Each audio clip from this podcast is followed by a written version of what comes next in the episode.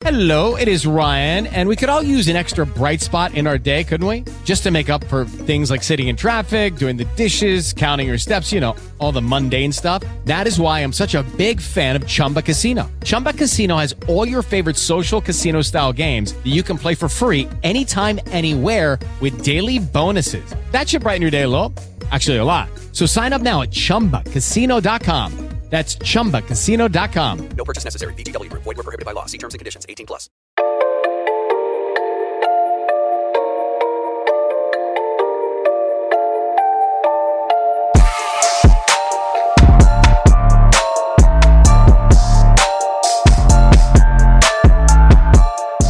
Здравствуйте все, это Утопия ФМ, с вами разговаривает Юсеев. Как вы, как вы поживаете, что нового? Давно у нас аудиоподкастов не было, последний раз видео было, но сегодняшний наш гость, он живет в Нью-Йорке. Из-за этого мы подумали, что аудиоподкаст будет самым лучшим вариантом.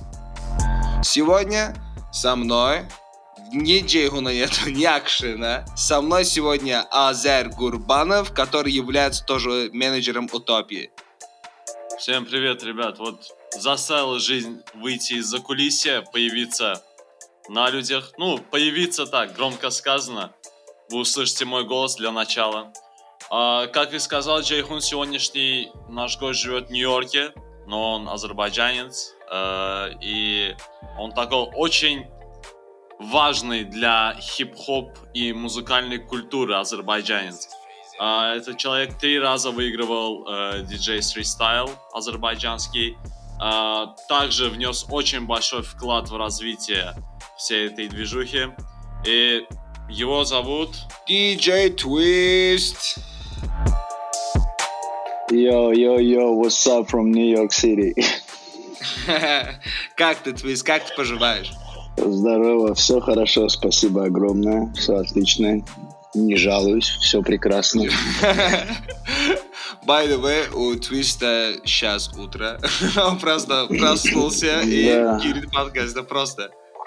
Как у Доброе вас там в. Нью-Йорке вот Рождество конкретно? это Christmas? Не-не-не, Нью-Йорк. Рожде- Рождество в, в январе, да, если я не ошибаюсь? Не, Рождество 25 декабря. Christmas, а 25-го. Да, да, вот Окей, скоро. Как у вас? Bunu kat eləyəcək. Это у вас как? В Нью-Йорке как? Все какая отлично, тихо-тихо готовится, все шопи, шопятся, скидки везде. Везде празднуют все. У нас же ничего как бы не закрыто из-за пандемии. Все работает, функционирует до последнего, то есть до 5 до 6 утра, да, как, как обычно. Ой, да. Да. Как мы поэтому скучаем. Ну, нас- как бы, у нас- да. У нас тут 31 декабря раз- разрешили кафе и ресторан до 2 часов ночи. Мы тут полный штан радости. Будем бухать на 2 часа больше, как бы, поэтому... Ну, это да, это лучше, чем до 12, конечно. Но все Ну равно да. хоть что-то у вас там хоть работает. Да, хорошо, что Да. эта вся фигня закончилась. Слава богу. Что Но всё Нью-Йорк. Нью-Йорк не может стоять, да, потому что если они будут постоянно держать его закрытым, тут ничего не будет двигаться. Поэтому он должен Там работать. Эпицентр всего. Да, exactly, точно. Вот, поэтому В общем. здесь... Ага, Твист, йоу. мы хотели спросить у тебя, чтобы наши зрители тоже узнали, кто такой Твист, кто такой экипаж? Диджей Дегагач.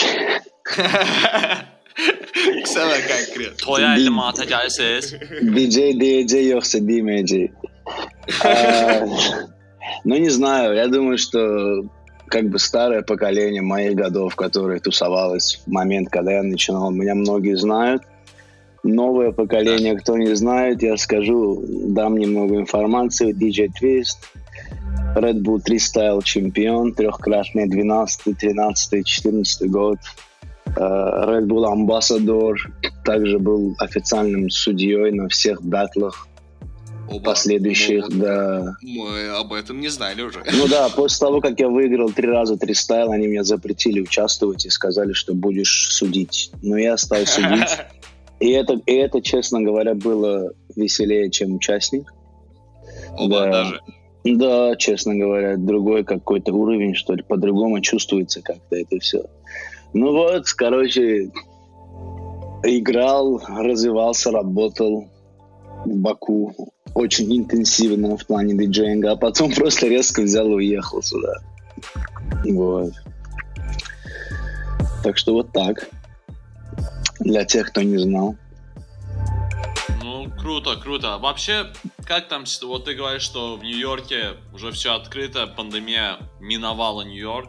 Я не Мгм. знаю, все Соединенные Штаты или нет. Вообще, как было во время пандемии? Мы знаем то, что э, кто в основном был э, в entertainment сфере, вот Да. развлекательная сфера, э, очень сильно ударила пандемия, потому что нету ивентов, нету тусовок, нету ничего. Как, как Мгм. выживали вообще? Чисто на стримингах или что происходило? Немножко об этом расскажи. А, ну, так как я, я был на визе, на O1 Окей. визе, когда, когда началась пандемия, здесь э, всем людям раздавали как бы пособие по безработице, по безработице, те, кто потерял работу. Но как бы я тоже подал на эту заявку, и у меня прошло все. И они мне платили деньги, так что я не работал, но я получал деньги. И получал, может быть, чуть-чуть меньше, чем я зарабатывал бы, играя. Чуть-чуть, может Но- быть, даже. Ты Да, сейчас правильно. там диджеем работаешь, да? Ну, я не только диджей, я, я диджею, я, у меня есть, я пишу музыку, я работаю с артистами, продаю биты, плюс у меня есть онлайн-бизнес небольшой. Да, также, также у меня есть day job, где я также делаю свои биты и занимаюсь своими делами. Мне повезло, наверное, в этом, я не знаю. Но в целом, как бы, все нормально. То есть я не одним делом занимаюсь, как называю, как говорится, hustling, you know? All the, all the time hustle. По-другому никак. Нью-Йорк немного сложный город в этом плане, дорогой для жизни. Да. То есть реально дорогой. Я когда, я когда последний раз в Баку приехал, я понял, что Нью-Йорк очень дорогой город. Очень. Да даже, Баку даже, резко все подешевело, да? да даже, даже в Москве в аэропорту, в аэропорту для меня было дешево.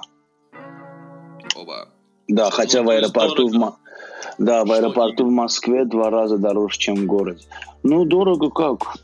Например, продукция дешевая вся, одежда, еда, там все, что надо, техника, все стоит дешево очень.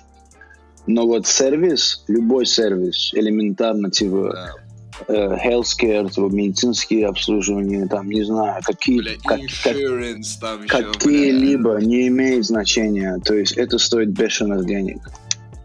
О, Реально бешеных денег. То есть пройти, пойти там минимальное что-то сделать, например, в плане медицины, там какие-то анализы сдать, минимум 500-600 долларов только. Это минимум там 2-3 анализа, ты понимаешь? Очень дорого в этом плане.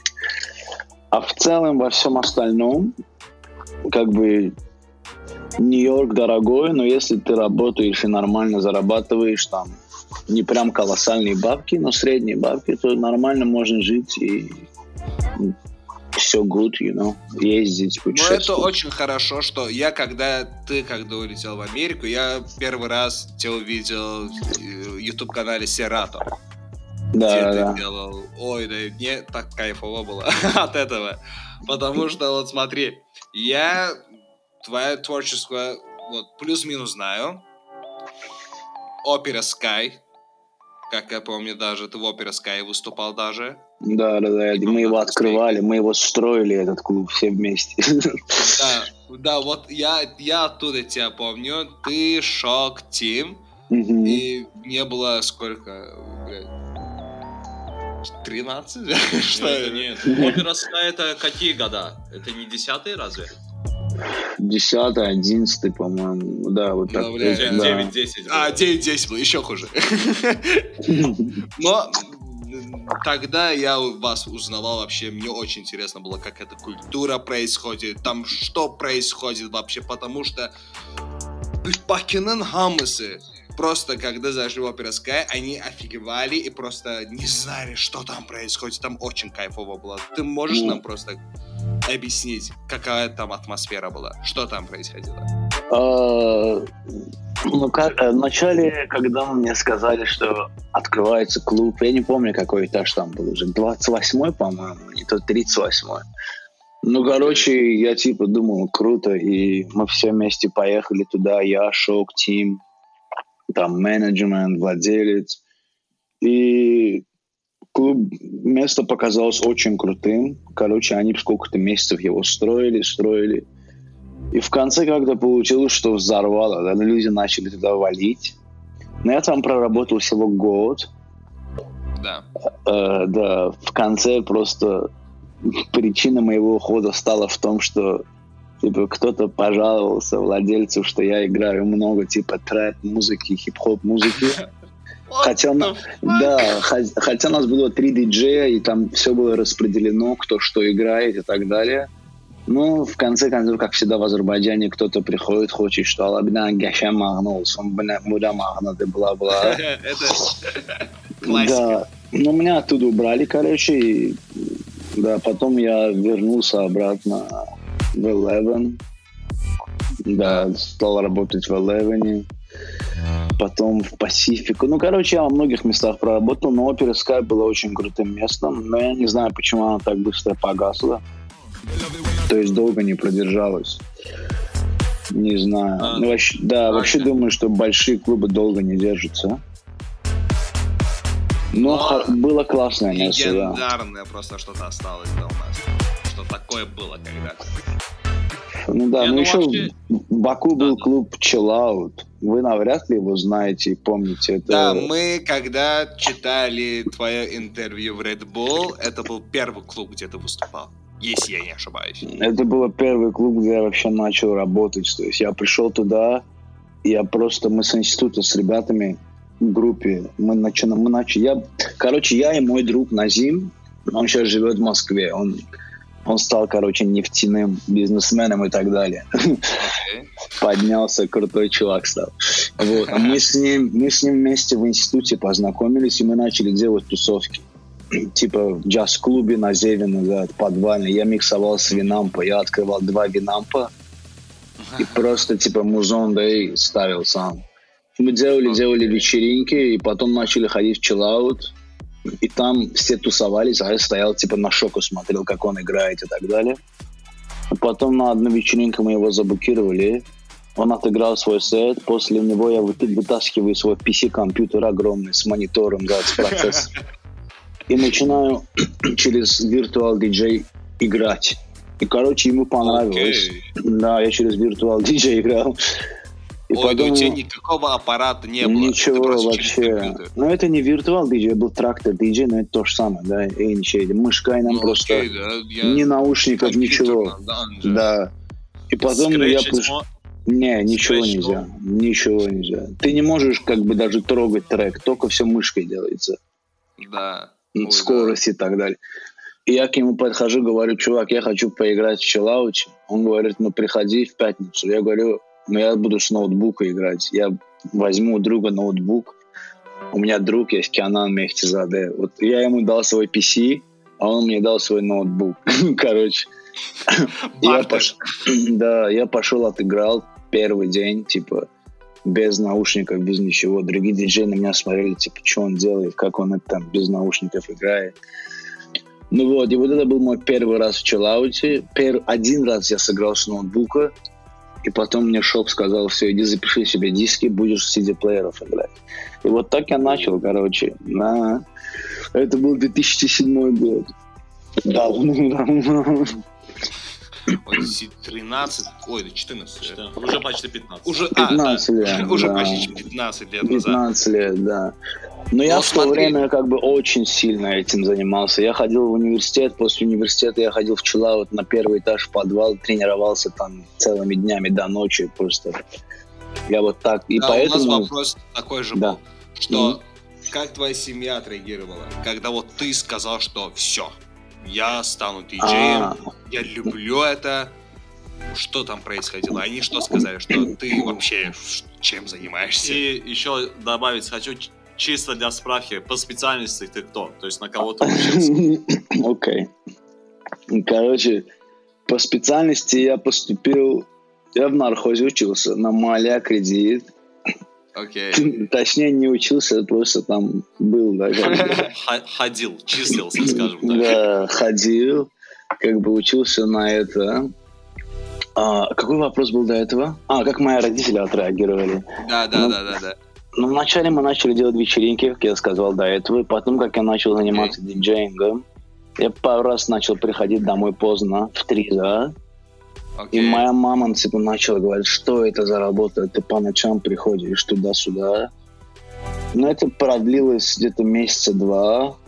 И после того, как они увидели, что я ни копейки денег у них не беру, у меня свои бабки, Окей. и через 6-7 месяцев, когда я утром проснулся в 9 утра, и в полдесятого утра я пришел домой с ключами от машины, О, Да, у нас во дворе девочка продавала мою легендарную Opel Calibru красную. Ее Николь звали, ее все знают. Все менты, все, все мои подруги. Все Девушку люди- или машину? Машину звали Николь, ее все так знают. Вот реально многие девочки в Баку вот, с моего, вот, моих годов, которые с нами тусовались, к любой Да. подойди, спроси, Николь, знаете красную? Все скажут «да». Вот я эту машину купил у соседки за 4000 долларов. Она была без одного зеркала, вся поцарапанная. да. Я пошел утром, просто поднялся к ней. 4000 долларов кэшем на руках. Просто положил на стол. Да, положил на стол, забрал ключи. И после этого они перестали меня трогать. Да, То есть мама сказала, что сын зарабатывает деньги, сам себе все покупает, все, что делает, пусть работает, пусть занимается, короче. Да, и вот но так нас, у нас немножко вот эта тенденция есть, то, что когда ты чем-то занимаешься, типа начинаешь заниматься таким, да, экстраординарным для нашего менталитета, будь то музыка, рисование Мгм. и так далее, да. Пока это бабки не приносит, все вокруг говорят, что типа, а, bunun başını bırak, а как ты будешь зарабатывать, будешь бомжевать и так далее. Как только начинает капать копейка какая-либо, сразу говорят, ага, sana, eləmişsən bunu. Типа, Знаешь, в немножко- чем проблема? Поэтому, извини, перебил тебя. Потому Да, поэтому да. в Баку так все, мне кажется, тихо развивается, потому что наши люди, наш менталитет, 80% они хотят, как они хотят результат сразу видеть, а не путь. То есть они думают, что пойти на работу, стабильно получать 500-600 манат в месяц, это лучше, чем пару месяцев посидеть без денег, но делать свое дело, которое потом тебе будет приносить деньги и будет приносить тебе намного больше денег. И это будет твой карьерный рост. Вот это самая большая проблема всего человечества вообще, я думаю, что люди просто боятся рисковать, и они ищут стабильность. У нас в Баку как? Sen kurtarmalısan üniversiteti, üniversite, sonra sen devlet işine gelmelisin, погон за пенсия. У нас, то есть, люди вот так думают, и поэтому многие хотят своих детей, чтобы они тоже по их стопам шли, и они уже с детства планируют, что а вот он закончит школа, университет, армия, потом машину папа ему купит, а потом на работу устроит, понимаешь? А, а еще девочку хорошую найдем и женим его. Ну да, это раньше так было, сейчас тоже это есть, само собой, но уже меньше, я думаю. Да, Потому слава что- богу, хотя бы это меньше. Потому что, я думаю, общество развивается как-никак, степ-бай-степ, и это будет меняться. Но все равно этот напряг есть в Азербайджане. Здесь, например, почему так много людей всего чего-то добиваются, например? Потому что здесь по-другому все. Тут никто, например, даже близкий друг, если, ты, например, что-то ему показал, Окей. и это не очень хорошо. Например, ты сделал трек, показал кому-то, говоришь, бро, послушай, как тебе этот трек. Даже если Окей. он говно, они тебе никогда в жизни это не скажут. Да, да. это, с одной стороны, хорошо, с другой стороны, может быть плохо. Например, я, у меня очень много друзей американцев здесь, там, с кем я музыку пишу и так далее. Когда мы писали музон вместе, я всегда, например, говорил, что это, это не очень так. Потому что как бы я это делаю с целью, чтобы посоветовать, как лучше сделать, например. Но у них это не принято. И здесь этот, эта поддержка очень сильная, типа, bro, you can do it, ты сможешь, типа, почему не сможешь, если, понимаешь? А у нас немного по-другому, и поэтому, мне кажется, у нас развитие вот так слабо шло, шло, шло.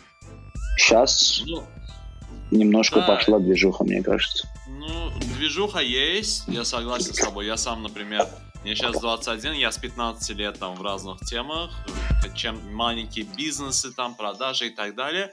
Да, сейчас есть разница, но вот ты как человек, который увидел оба этих берега, да, то есть это USA, который все люди хотят туда попасть, да, многие люди. Мгм. И это Азербайджан, где мы живем, который мы любим очень сильно и который пытаемся развивать. Мгм. А, вопрос такой, вот кардинально, вот что, какое кардинальное различие? Почему Америка, а не Азербайджан? То есть э, именно в плане жизни. Что тебя м, держит там, а не тут? Учитывая то, что а, сейчас можно зарабатывать деньги, будучи в онлайне, грубо говоря, то есть тот же e-commerce, либо какой-то у тебя бизнес онлайн, и делать многие вещи онлайн. Но почему именно Америка? А, Окей, объясню тебе так. Я всегда хотел сюда уехать, но я не решался. Мы даже с Тимой сидели, много раз это обсуждали, что мы хотим уехать. И как бы я уехал очень спонтанно, там целая история. Резко все это произошло. Три месяца я сделал визу, уехал. О, Тоже так. Да, да, я сделал типа а, самую сложную визу, которая есть вообще в Америке, мне кажется. Я ее получил, это за счет, я благодарен этому Red Bull и Django, но больше я думаю Red Bull, потому что благодаря Red Bull я стал типа worldwide kinda famous, меня начали узнавать Окей. по всему миру и так далее. Вот. Ну, как тебе сказать, здесь есть, конечно, свои минусы есть минусы, но, и, конечно, очень много плюсов, побольше, чем в Азербайджане. Да. Но самая такая большая разница, мне кажется, это все-таки ментальность людей. Да, да, да. А, Да, то, как мыслят здесь, как мыслят там. Плюс вот эти все понятия, что тут, например, всем людям э, пофиг на всех, все делают все, что хотят.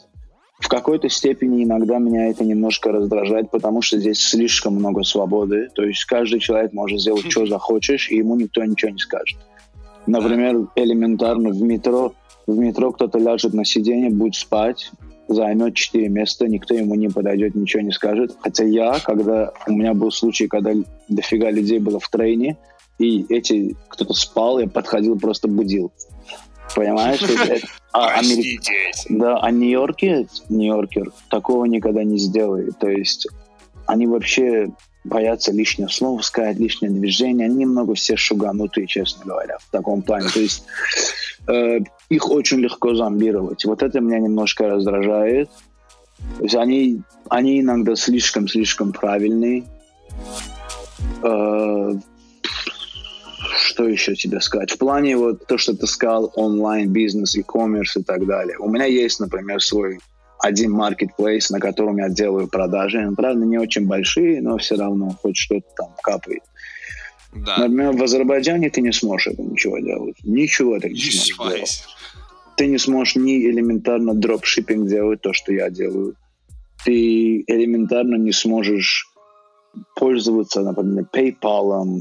В общем, много есть, да, нюансов, особенно для Apple музы- Pay к Азербайджану пришел через сколько лет? а?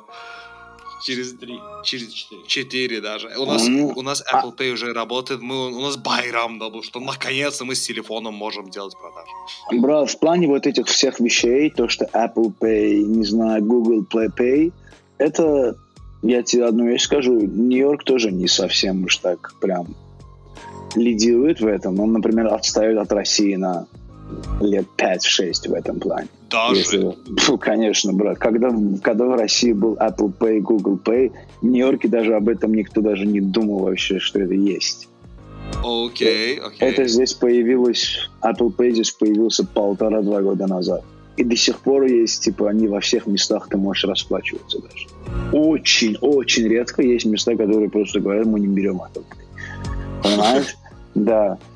Вот. Но в Азербайджане с этим вообще все сложно. Элементарно с таможней, то, что, типа, заказывать вещи и там лимит на 300 долларов. Но это маразм, да, это, это смешно, да, понимаешь? То есть Да. они, они ставят, они ставят рамки на то, что ты не можешь ничего заказывать в тот момент, когда в стране ничего нет этого. А если это есть, то это стоит в 4 раза дороже. А люди получают 500 манат зарплату среднюю, и, естественно, никто это себе позволить не может. а заказываешь таможня тебе еще там 30-40% üstünden тул гядер. То есть такие Да. нюансы есть. И в этом плане ты понимаешь, что здесь в этом плане комфортно. То есть ты тут можешь сделать все, что хочешь. Никто тебя не тронет, просто не нарушай, ни преступлений не делай, ты будешь спокойно жить. В плане свободы вот здесь мне это нравится, мне комфортно в этом плане. Да. Вот мы поговорили про Нью-Йорк, про Азербайджан. Сейчас нам интересно твист. Вот, Экбер, Мгм. грубо говоря, what's your inspiration? Что тебя вдохновляет? Вот ты просто... Как ты стал вообще стать ди- диджеем просто, каким-то образом? Ты какие-то треки слушал, ты просто сказал, что окей, из-за этих треков, из-за этих артистов. Мгм. Это хороший вопрос. диджеем. Это хороший вопрос.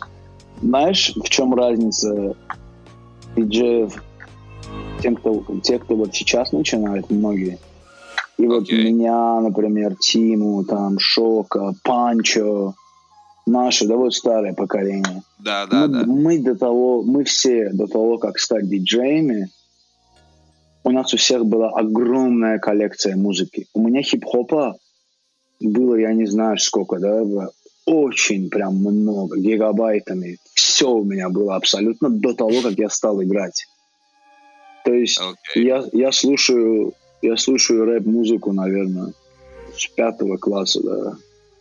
До, Да. до пятого класса я слушал типа Майкла, танцевал Окей. Майкла, был фанатом Майкла Джексона. У меня друг мой, который в Германии живет, э, Мелик. У нас было 600, 600 странич, 600 листовая тетрадь, где мы делали типа вырезали все статьи, фотографии Майкла и так далее. Да, да, мы танцевали на выпускных и так далее. Типа она либо что танцевали, лунная походка, все дела. Окей, окей. Да, потом, как всегда в Азербайджане, кто с чего начинает, как всегда в Азербайджане, с чего начинается рэп, это тупак. Да. Да, даже элементарно в Азербайджане пойди у всех спроси, рэпы Кемера, 95% скажут тупак. Тупак.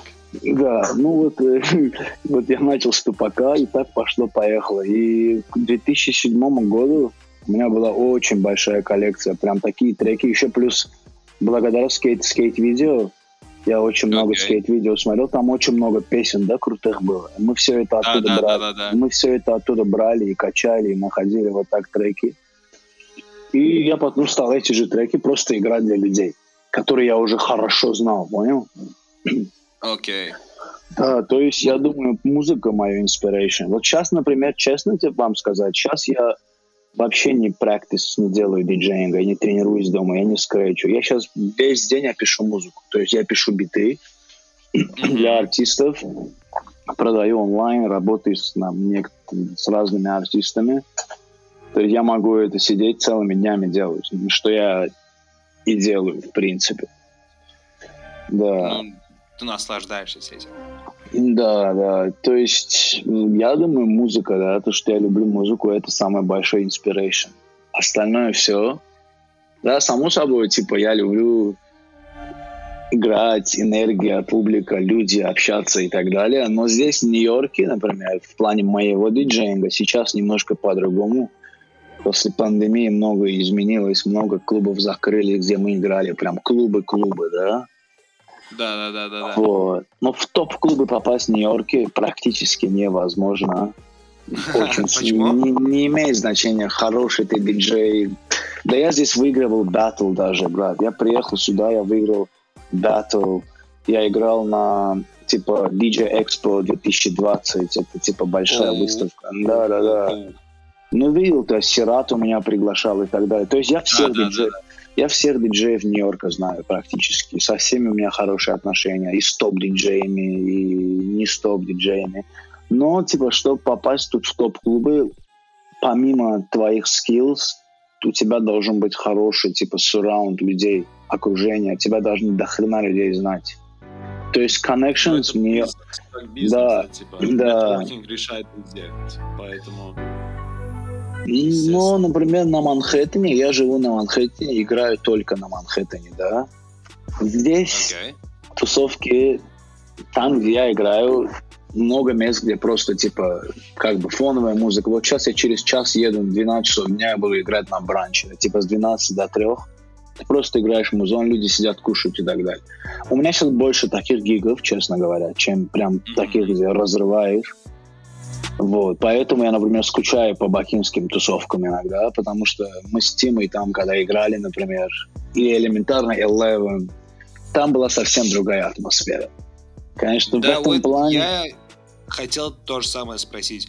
Вот как ты думаешь, сейчас в Баку какая-то культура клубов появилась или нет? Э, Вот ну, как потому culture, как... что люди уходят в клубы, там тусовки идут.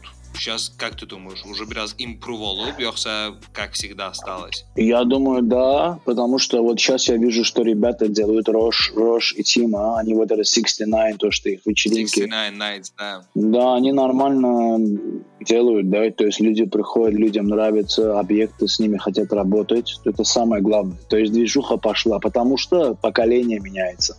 Сейчас молодое поколение, мне вот я с Тимой общаюсь часто, и он мне рассказывает, типа, он говорит, сейчас молодое поколение, особенно у нас как раньше было, да, в основном, в основном многие все, кто тусовались, вот элементарно с моих годов, 2007-2008, большинство людей были русскоязычные, да, как бы.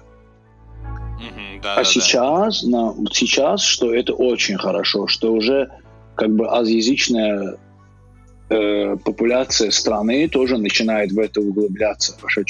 То есть они Да, да, начинают, да, да, да. например, элементарно я держу связь со скейтерами, потому что мне интересно, какая движуха там идет. И Мгм. мне тоже говорят, что сейчас очень-очень много ребят, типа, скейтеров катаются, которые, вот, знаешь, все азербайджаноязычные, никто даже на русском не говорят, все не с города, все откуда-то с окраинов, то есть это очень круто. Я думаю, что если так пойдет, через пару лет там будет что-то большое, реально. О, Вот смотрите, мы вот бля, маленький research сделали, и я офигел от этой информации. Я не знаю, это правда или нет. Вот когда-то был диджей Blackstar, и в Марселе, когда вот L1 Тимати, там был диджей Ли, и Мгм. ты с ним выступал. Брат, диджей Дли, это... Я, я могу рассказать вам. Да, я, я Дли очень хорошо знал, мы с ним общались, дружили, потому что его много Вот раз когда привозили. я эту информацию прочитал, I was like, вау, ты знал диджей Ли. Вот расскажи об этом, как это все произошло. Ну, первый раз был раньше клуб на Патамдарте, назывался J Club. Это было Окей. именно 2008 момент Chillout, или Mirage, Excite, все эти клубы. И мы туда один раз привезли диджей Дли. Короче, он отыграл и так далее. И мы начали его привозить чаще. Я Окей. помню, один раз даже мы, мы его привезли, я за ним поехал в аэропорт, я его встретил, мы, мы играли в этом, ях, не яхт-клуб, да, напротив Абширона, что там, Денис какой-то этот есть. Да-да-да-да-да. Большое такое место. Ну, короче, там был ивент какой-то, в общем, Да. мы там играли и так далее. Э, Мы с ним даже гуляли там вокруг Дом Совета и так далее. Хоро- очень хороший парень был, просто реально очень хороший. И потом последняя тусовка была Эксессиор отеле Окей. за, за пару дней перед моим отходом в армию. И- да, и, короче, в день, когда я был в военкомате, уже садился на КамАЗ, должен был ехать. Мне звонит Панчо и говорит, что, брат, прикинь, Дли умер. Я говорю, ты что, издеваешься, что ли? What Три, и три дня назад мы с ним тусовались. Он говорит, да, он приехал в Москву. Когда мы ехали с аэропорта, КамАЗ его, грузовик его на красный пролетел, сбил нас, прикинь, машину. Ой, да это очень жалко. Да, конечно ну. Дли, конечно, был очень большой вклад сделал тоже в российский диджеинг и в хип-хоп культуру в общем. Ну Да. да, мне вот посчастливилось с ним вот так познакомиться. Вообще, как бы я многих диджеев знаю из России, из Black Star, типа диджей Филчанский там. L1 лично я знаю. мы его при- Я Ну был, да. я был когда-то его фан, вот, фанат. L1, L1 и Илья Киреева, мы привезли в Eleven, когда он еще был в Марселе. Он еще не был L1 отдельно, он еще О, не был... Неллом. Ну, Нелл не смог приехать, потому что у него проблемы с паспортом были. Мы Окей. привезли в Eleven его, его, Илья Киреев, и еще какой-то чувак там был. Ну, короче, народу было мало и так далее. Но потом, типа, вот Илья Киреев стал постоянно ездить в Eleven, L1 стал в Black Star, и... Да. Не, у меня с Москвой очень хорошие, типа, коннекшены были. Я, я там уже много играл, и там, типа, Да, много, много людей знаю оттуда. А, Твис, такой вопрос. Вот хорошо, что мы пришли именно к этой теме. Про, Мгм. про привоз артистов, концерты и так далее. Ну, понятно. Если учитывать 20-21 год, пандемия, все дела, я это откладываю. А в Азербайджан за последние 6-7 лет я не помню, что привозили именно таких крутых звезд, будь то русская эстрада, будь то э, зарубежная эстрада. Ну, естественно, за исключением э, Формула. Формула-1. Мгм. И, то есть, в течение года, например, да, пять раз приезжает Хамали Навай, три раза приезжает Егор, Егор Крид и так далее. Почему э, нету, почему, ты думаешь, не привозят э, других артистов, которые по-любому взорвали? Например, я говорю, тоже Макс Корж, тоже Скриптонит, не знаю, э, допустим, Баста, или Мгм. из-за рубежа кого-то. Что думаешь по поводу этого? Бро, это чисто дело спроса. У нас спрос на что, на то и привозят, понимаешь? Скриптониты слушают. Ну, возьми, например, 5 миллионов человек, да? Окей. Из них будет 500 тысяч слушать скриптонита, 4,5 будет слушать Хамайнова. Понимаешь, о чем я Ну, говорю? Ну, согласись, что э, Коржа, если привести, то взорвет. То есть даже я помню, в 2018 хотели привести, и то есть там завал был, там типа iTicket или какая-то компания написала в инсте, что если наберется столько-то комментов, типа это, чтобы посмотреть на реакцию, э, там было тысячи или две тысячи комментов, там под публикацией было чуть ли не 7-8 тысяч комментариев. То есть спрос тоже есть. Но вот именно то, что однобоко относится к этой теме в плане Да. привоза артистов, вот это немножко обидно. То есть как мне, как молодому поколению, который хочет не просто там пойти побухать и послушать громкую музыку, а послушать любимого артиста отчасти. Мгм. Ну, я думаю, это чисто потому, что организаторы боятся рисковать да, с артистами. То есть, во-первых, может быть, Макс Коржа, может быть, нет, я думаю, так и есть. У него очень большой гонорар, я думаю. Да, я тоже так думаю. Понимаешь, Коржа, когда да, Хаваи, Хавали. Наваи, они азербайджанцы, и я уверен, что они не поют огромные цены, когда едут в Баку э, выступать. То же самое Да. связано с любыми азербайджанскими артистами, которые в России. Ну, И тут я думаю, это из-за этого. Ну, скорее всего. Вот. А в плане зарубежных, брат, это спрос, да. Как бы я, я, я например, хотел Трапкиллер. Трапкиллер, знаете группу? Да. Ну вот. Но я, короче, с ним, э, с одним из его членов, э, там есть два чувака, Зыган и еще один чувак. Я с ними познакомился в Чикаго в 2012 году, до того, как они были Trap Killers. Окей. Да, а потом мы, короче, я хотел их заблокировать, и я списался с одним бразильским диджеем, Недо Лопес. Я ему сказал, бро, я хочу Троп Killers, у тебя есть выход? Он говорит, ну ты же знаешь Заган. Я говорю, я не знаю. Он говорит, как не знаю, в Чикаго мы вместе все были. Я типа, что, серьезно? Он, он говорит, да, он сейчас... Он Резко щас- флешбэк. да, они после, он, оказывается, после Чикаго вернулся, и там выступал Flosstradamus и Dillon Francis live. Этот известный трап-продюсер, да, очень. И они, он- короче, он, оказывается, после этого уехал обратно в Бразилию, и они сделали группу Tropkillaz. И, короче, я хотел его заблокировать, он меня послал на менеджера, они нам сказали, да, все окей, даже не очень высокую цену запели, но мы не рискнули да, это сделать, потому что никто не знает, да, Trop Killers. Like, Да, считанное да, количество людей. знают. Вот в этом и проблема. То есть почему, например, в Россию ездят все, почему в Индию, Индия, например, в Индии все топ-артисты бывают. Знаешь, какие там артисты? Snake, Skrillex, они там каждый месяц выступают. Потому что там люди, да, спрос людей, огромное количество людей, понимаешь? И по-любому из старых становишься Там там население миллиард. да, из стаи становятся люди придут. То же самое в России. Там молодежь все хавает. А у нас немного это проблема в радиостанциях, проблема в телевидении. Потому Проблема что... во всем. Вот, не, вот смотри, мы создали этот проект в 2020 году, чтобы вот людей, как ты, нигде почему у вас интервью нету. Есть, mm-hmm. конечно же. Но почему вот ты один из самых был один из самых лучших диджеев Азербайджана? Окей, okay, mm-hmm. это субкультура, и это касается рэпа, хип-хопа. Вот почему-то у нас в Азербайджане таких платформ нету, чтобы вы поговорили. Мы знали, кто вы, чем вы занимаетесь. А в телевидении этого ничего нету. Ну да, радио то же самое. И знаешь, я раньше слушал, я, во-первых, я всегда слушал радио. Когда, например, на работу ехал в Баку, типа, или катался, просто иногда просто радио слушал, потому что моментами у меня многие тристайл сеты, например, там пару моих ремиксов даже, которые я делал, это треки, которые я услышал на радио. Типа я услышал, о, cool, я взял этот трек, и потом я что-то с ним делал. Но 90% материала просто говно доиграет там. Не то, чтобы говно. Это старые заезженные треки, понимаешь? А нового, вот именно. А нового ничего нету, и поэтому люди очень медленно это все воспринимают.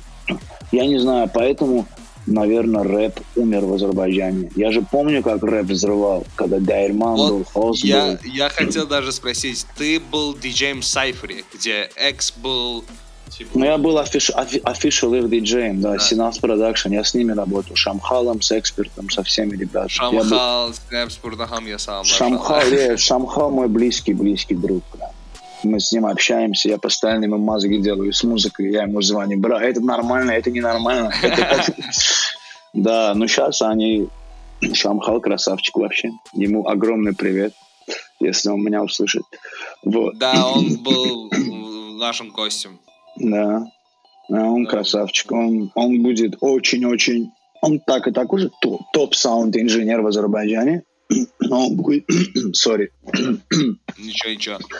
Он будет самым таким крутым. То есть войдет в историю sound-инженеров Азербайджана, я в этом уверен. Да, я с ними работал постоянно. Я еще должен был быть official, должен был быть official диджеем Дайрман. Окей. Да, а но что перед случилось? Перед их концертом я пошел на встречу с ними, и, короче, я в армию должен был уезжать, да, в июле, по-моему. А, окей, окей. Ну, как же, я, я взял Эда поставил, короче, Эда привел, и он стал с ними работать. А я уехал в армию. Вот, да. Ну, сейчас мы, например, вот у нас Эльмира, вы знаете, ну да, Эльман. Да, да, да, конечно. Ну, мы сейчас с ним, да, здесь. У нас вот один проект стоит, мы с ним трек сделали. Я как бы я до сих пор его не закончил сводить. Ну вот мы общаемся. Okay. Он же тоже здесь живет. Да. Вот. Так вот что... смотри, э, если бы тебе дали шанс, ага. вот говорили, окей, ты с любимым артистом, любым артистом можешь конкретно выступать. Или хип-хоп артистом, или каким-то диджеем, вот Дэвид Гетта, вот с кем ты хотел выступать? Сейчас, честно говоря, выступать, э, как сказать, я бы хотел бы выступить, конечно, без разницы с кем. Но сейчас у меня больше в голове, я бы хотел, чтобы какой-то из моих битов забрал какой-то артист. Потому Опа. что, okay. да, я сейчас больше пишу музыку и занимаюсь продакшеном, чем диджеингом. Потому что, я не знаю, может быть, немного Нью-Йорк в этом плане убил мой хавас. Не то, что типа здесь нету ничего, нет, просто, наверное, из-за того, что я играл в Баку в топ-клубах в России, где играл в топ-клубах, было совсем по-другому. И здесь я начал играть немножко в других объектах. Меня это немного когда Хаверстан Салыпи, плюс еще пандемия, после этого все поменялось, да, понял? Да, и да. в момент пандемии я начал прям жестко писать музыку каждый день. И сейчас я больше хочу и реально, типа, чтобы мой какой-то бит взял какой-то плейсмент с, как, с каким-то артистом. Само собой, любой продюсер мечтает, чтобы его бит забрал Дрейк. Само собой. Spotify most street Потому что если, если Дрейк забирает твой один бит, то все, просто сиди и зарабатывай деньги и кайфуй. Наслаждайся жизнью. Да, но, само собой, это, это нелегко, это требует огромный путь. Вот. То есть мы тебе просто пожелаем удачи от всех сил. Нам очень кайфово сейчас, что ты сейчас в Америке, ты занимаешься музыкой, конкретно Азербайджан Ambassador в Нью-Йорке. Да, да, Мы что, тебе ти- что типа конкретно того. пожелаем удачи. И спасибо огромное, что сегодня к нам пришел. Нам было Спасибо очень вам. кайфово с тобой разговаривать. Спасибо вам за подкаст, было приятно. Надеюсь, я рано или поздно приеду. Мы, И- мы тебя ждем. То есть Азербайджан тебя ждет. Да. И надеюсь, в Баку будет движуха идти, идти и не останавливаться. Но я думаю, что Тима там, и вот мои пацаны, они все замутят как надо, потому что Тима знает, как грамотно делать, и я думаю, что, я думаю, что вот на сегодняшний день тот, кто сделает движуху, какой-то прорыв в диджеинге, Да. в клубной индустрии, это будет он. То есть он мне каждый раз пишет, звонит, говорит, брат, если бы ты здесь был бы, мы сейчас с тобой тут разносили бы. И реально так и было. Реально так и было бы. Потому что мы с ним делали очень крутые тусовки там в баре и так далее. Но я думаю, что он, они сейчас на правильном пути, они тихо-тихо двигают всю эту движуху, и все будет good. Просто немножко времени надо, да. Ну, И мы нам- тоже со своей стороны будем стараться освещать всю эту движуху, чтобы, как говорится, мы повязаны друг с другом. То есть вы Да. делаете, мы освещаем, ну, стараемся как минимум. А это круто, тебя это тоже- очень круто. Тебя мы тоже ждем в Баку. То есть хотелось бы услышать вживую, как ты играешь. Шока я слышал на Фанта фестиваль, кажется. Мгм. Это был какой? 14 или 13 год? Я маленький был, но слышал. Да. Шока тоже ждем. Было бы супер вообще, это как мечта снять подкаст со всеми вами вместе. То есть Шок, ты, тем, вот этот вся Да, наша, наша, диджеинга. наша троица, да. Ну, Да, шок, да. сейчас, шок сейчас взрывает, особенно его дочка взрывает. Да, ну Мишель тоже круто, молодец, девчонка. Да, Мишель. следим. Разносит Супер, да. просто. Ну все, Твист, еще раз спасибо, приятно было пообщаться. Спасибо Э, вам. Как говорится, ждем новых достижений, будем репостить. Hamın bütün tanışları gösterecek ki то, что вот азербайджанец взрывает в Америке, то есть не только русские и там другие национальности могут взрывать, да, наши тоже могут и Ну да. могут очень хорошо. Поэтому Конечно. верим, желаем удачи, наблюдаем. И, как говорится, удачи на сегодняшних ивентах. Спасибо Счастливо огромное. оставаться.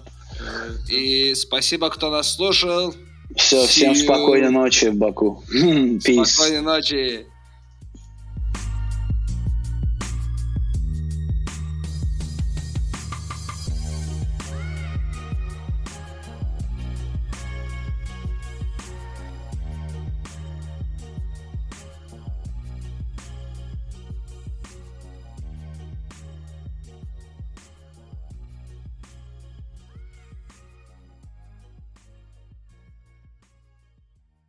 Hello, it is Ryan, and I was on a flight the other day playing one of my favorite social spin slot games on chumbacasino.com. I looked over the person sitting next to me, and you know what they were doing?